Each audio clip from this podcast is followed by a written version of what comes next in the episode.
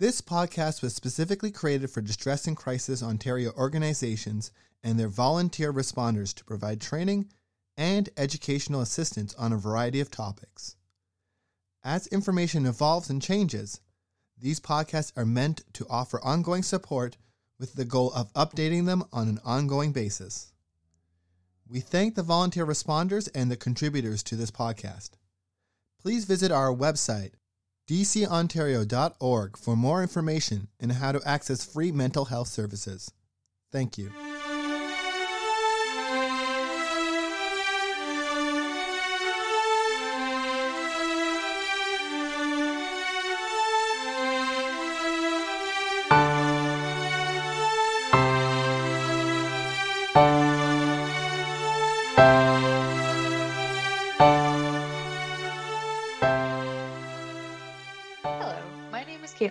And I'm the program manager at Distress and Crisis Ontario.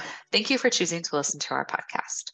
Today, I am joined by Valéry Brosseau, a returning guest to our podcast. Valerie is a passionate speaker, writer, and mental health trainer and consultant. She began volunteering for Distress Center Durham in 2013, starting as a crisis helpline responder and then becoming a mentor, trainer, and supervisor.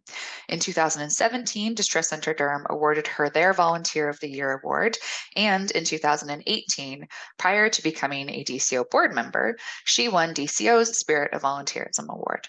She brings experience, training, and education in delivering mental health services and a great passion for mental health awareness.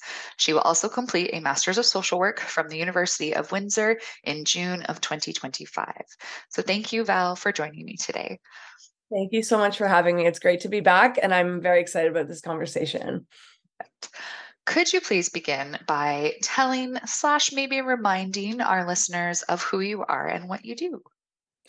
Yes, well, you summarized it pretty well. I have been working and volunteering in mental health for about 10 years. I have my own business where I offer presentations, talks, training, consulting, all on mental health, as well as one on one peer support and that is based on a, a, lot of training. I love to just soak up all the knowledge that i can find a lot of certifications and trainings that i've been able to attend and i'm really grateful for those opportunities. And it also comes with a lot of lived experience which i know we've discussed previously on the podcast. And that gives me an approach that i think is a bit more accessible and a bit more human. And i hope that by wearing my experience on my sleeve i can resonate with people and give them the courage to speak up about it and to seek the support that they need. Awesome. Thank you so much again for joining me today. Um, so, as you and I already know, June is Pride Month, and that is going to be what we're talking about today.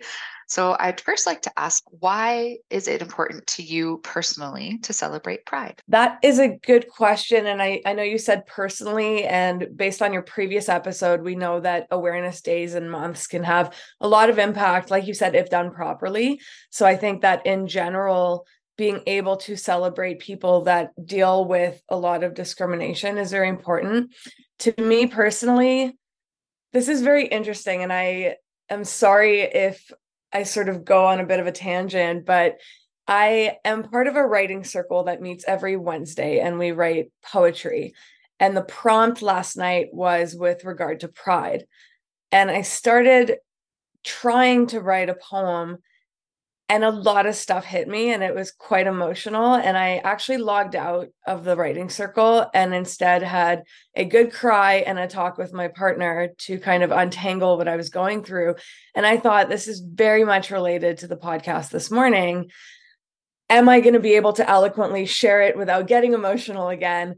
And if i go into the depths of what pride means to me i think it starts with sort of that comfort that we need to build around our identity.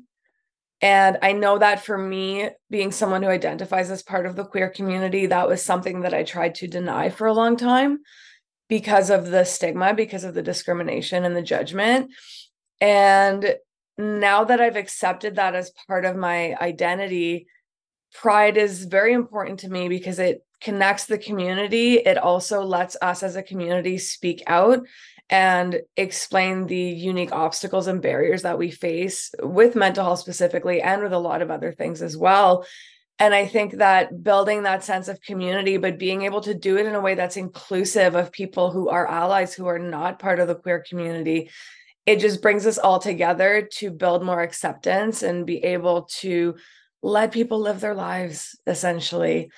And it's been an interesting journey for me because now that I'm open and comfortable with my identity, I'm also falling into moments of who am I? And is it authentically me or is it an act? And am I good enough? Am I enough in general?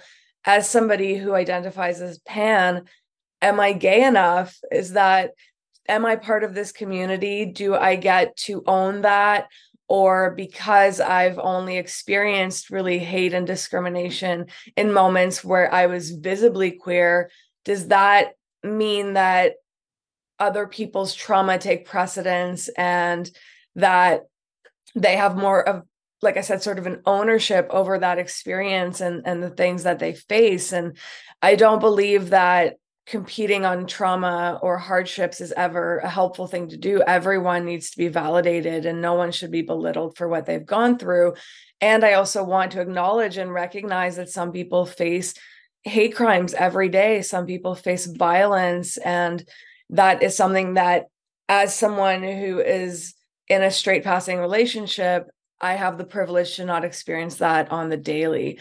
So it's been a process of really untangling that identity piece and being asked to write a poem about my queerness last night and what protest means to me and what little moments make me feel authentically like me.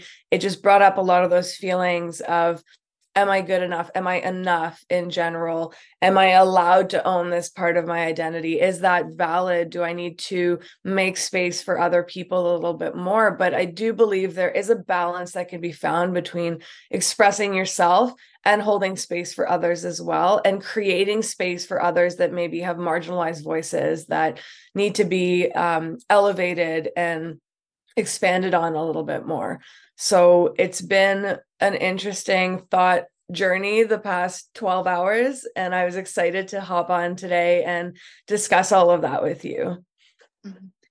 I think that that's really interesting that it, it is such a, yeah, exploration both of how you can support those who, yes, are more visible in their identity than you are, but also that battle that you're having about is my experience valid? Is my experience enough? And accepting the fact that, yes, you are who you are and you are a part of this community and you are just as much a part of this community as everyone else, but also recognizing that privilege and understanding how you can use that privilege to further those who have less of that privilege. So, thank you so much for sharing that with us. Um, kind of related to that, especially with what you said towards the end there about allyship, um, how can those who do not identify under the whole umbrella of 2S LGBTQIA plus um, support Pride and their loved ones who maybe do identify under that umbrella?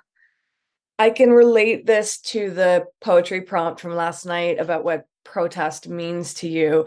And part of what we sort of explored was protest is often thought of as big revolutionary loud moments but there are those very small moments of protest that are just as impactful like correcting someone who misgenders someone who's not present and understanding that even if that person is not present it's important that they be represented the way that they should be. Uh, things like if you are in a queer relationship holding hands while you do groceries just small moments that express I am who I am and I'm not going to stop doing that. And I think that making space for those moments as someone who doesn't identify as part of the community is a great way to have impact and support when somebody in our life is part of that community, speaking about them the way that they want to be spoken about and ensuring things like in this household, homophobic jokes, transphobic jokes are not acceptable. In this household, these are the types of terms that we use. Here are derogatory terms that we do not use. These are things that can create a safer environment. Furthermore, I really do like to caution people with Pride Month that unfortunately capitalism is a thing And many companies will slap rainbows on products to increase revenue because of the awareness that happens during this month. So I really would recommend that everybody do their research on companies that have pride promotions and see if any of the profits are going towards organizations and agencies that truly offer services and and create impact and affect change within the queer community. And that is usually it's on their website. It's not hard to find. If you know of a company that has political ties to parties or politicians that are involved in legislation that's homophobic or anti-trans etc these are signs that that company is perhaps not a company that you should be supporting. So being mindful of that as it is getting turned into a commodity very much i think that's important as well and like I said, those little moments have more impact than you think they do. Yes, we do need people to join us in protests and flying flags and speaking out against legislation that's unfair. But those smaller moments can make a big difference when you respond to the group email and say, actually, it's they. And here's what they said in the memo yesterday. And you don't make it a big thing, you just correct and move on. It doesn't need to be belabored, but those moments can be extremely important. I think to add to just kind of one thing that I, like myself, know can can be uh, a good way to support it as well. If for whatever reason, I grew up in a community where uh, even being an ally was not necessarily a safe thing all the time. And you couldn't necessarily openly support anything that didn't fit into the rest of the community's idea of the norm. Right. So if you don't feel like you can buy anything that has the like a rainbow on it or any other kind of like visible representation, find a LGBTQ plus nonprofit that you can give a donation to that nobody else needs to know about. Like it doesn't have to be something that anyone else can see. It can be something that's yeah, small and simple and for yourself. And that can be another good way, I think, to show, yeah, kind of that quiet support that you were talking about, even if you can't be very loud about it. Absolutely. So, in the context of mental health, how important is it that we have these conversations like these, that we sit and bring to light some of these challenges that the 2S LGBTQIA plus community faces? It's a topic that is important to bring to the forefront. I really advocate for looking at a different identities, marginalized group groups, intersecting identities when it comes to mental health advocacy because everyone has different needs and everyone faces different obstacles and barriers in accessing care.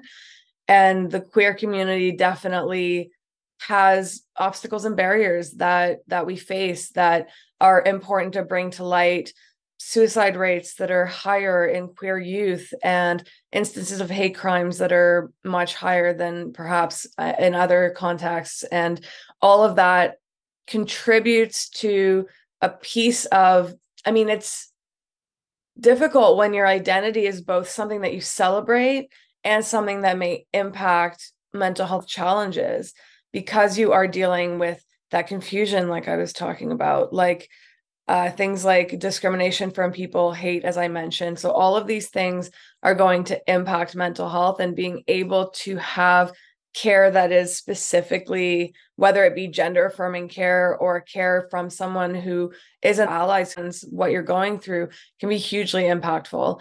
I know that many people who have reached out to me for peer support have said i'm part of the queer community and i want to speak to someone who's safe with regard to that and I share with them that I am as well. And that usually is a great point of connection. I have referred people to psychotherapists and psychologists who I know to be queer because that was who they wanted to speak to for that connection and that comfort level and knowing that they'll be understood and they won't be belittled or diminished in what they go through. So I think educating ourselves on the unique challenges faced by different communities, and this applies to any marginalized community, is really important in providing care that is competent and relevant to what those people face. It's not one size fits all with mental health care, especially within these communities, but across the entire population. Everyone has different needs, and we need to be very aware of that. And a mental health concern it's not like a broken arm where everyone's going to get a plate, a screw, and a cast.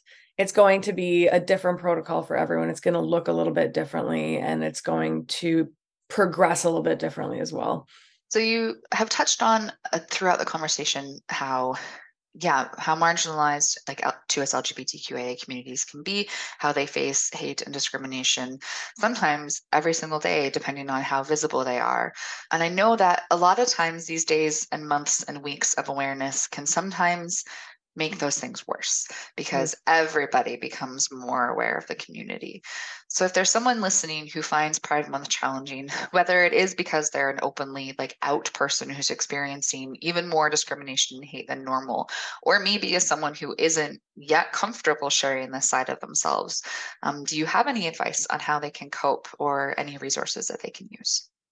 Mm-hmm. I agree with you that it can be difficult, it can be challenging. And it's something that needs to be acknowledged. I think if you are out and this month is difficult for you for various reasons, educating yourself on the resources within your community, whether that be a helpline that is for the queer community, a helpline in general, whether there is a PFLAG chapter in your community, these kinds of things, to really build that community of support can be hugely helpful as well as knowing who the safe people are in your life and and relying on them and leaning on them when you need to i think that's very important. I think that not feeling pressure to attend events can be important as well. Do not guilt yourself into attending an event where where you do not feel safe or you don't feel comfortable.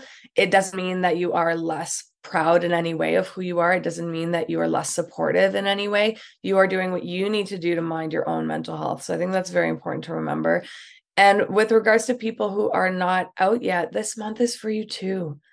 You are part of this. You are part of the community. You are important. Your experience is valid.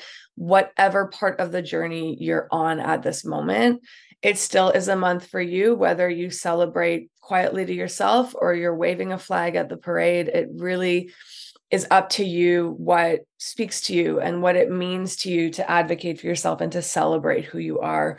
I think that some people who are not out yet, or people like myself who are maybe less visible, again going back to that point of am i am i queer enough am i part of this community you are and it's very important to remember that that means that you get to do it your way. You decide what pride means to you and you decide how you're going to express that.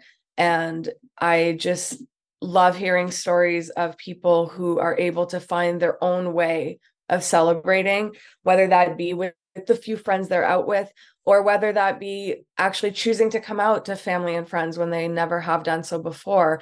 And that can be something that is unsafe at times we have to recognize that it's not always a beautiful moment like we do see those moments but it can be unsafe it can be uncomfortable it can be detrimental to mental health. And if we look at the statistics the number of youth who are experiencing homelessness who are there because they are queer and we're not welcomed at home anymore it's important to remember that nobody should come out. It should be on their own terms when when and with whom they feel comfortable so this month is for all of us. And it's important to mind our own mental health, mind our boundaries, and do what we're comfortable doing. It doesn't mean that we are celebrating any less. Thank you. I think that was a beautiful way to, yeah, approach both of those things. So before we wrap up today, I am just wondering if there's anything else that you'd like to add that we haven't already talked about. There's so much that I could talk about. I think we touched on some really important points and some really great pieces of conversation. I could bend your ear for hours about my personal journey and my moment that I had last night, just really pondering all of this. And I'd be happy to hear from any listeners if they want to email me and have that conversation. If they need a safe person to say, Hey, I'm not out, but I need to be proud of myself right now, or I am out and here was the process and I feel so good about it, or it's been difficult people are welcome to reach out to me. I'm always happy to continue the conversation because I know we are on limited time this morning. But I'd just like to say that it is a journey and a process. And again, I can't reiterate enough that wherever you are on that journey, you are enough and you are part of the community. And it's been very interesting for me to start thinking about that more, especially in my marriage, because I am finally with a partner who accepts me for all of who I am, who brings me rainbow colored flowers and says, It's because you're gay.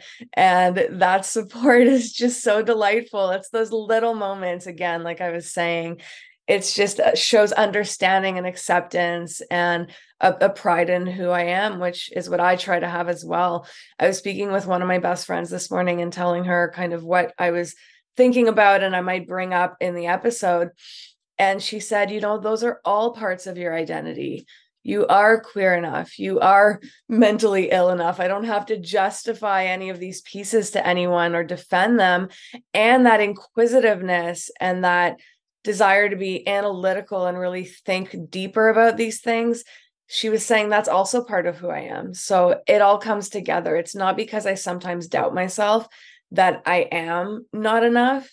I am I am enough. I am good as I am. I am part of these communities and these identities and remembering that I do it in my own way because we are all individuals is is very important. So just remember that you will do things your own way. You will find your own way. The process is not the same for everyone it's different, it's challenging, it's exciting, it's overwhelming, it's a lot of things. And the more that we can build a world where the supports needed are there, the more that people will be able to continue on those journeys and not feel like they have to hide anything or feel less than. I'm going to share your Instagram handle if you're okay with that so that people know Absolutely. where they can um, if you do want to, yeah, connect with Val and follow her journey and learn lots of wonderful things from her, um, her Instagram handle is just Valéry Brosseau. So it's V A L E R Y B R O S S E A U. And I can tell you from personal experience that she shares a lot of really awesome stuff on her Instagram page and is a joy to follow. Um, so thank you again, Val, for joining me today and sharing everything that you've shared. I really, really appreciate it. And I know that there are, yeah, many people that are going to listen to this and learn a lot. We always learn a lot from you.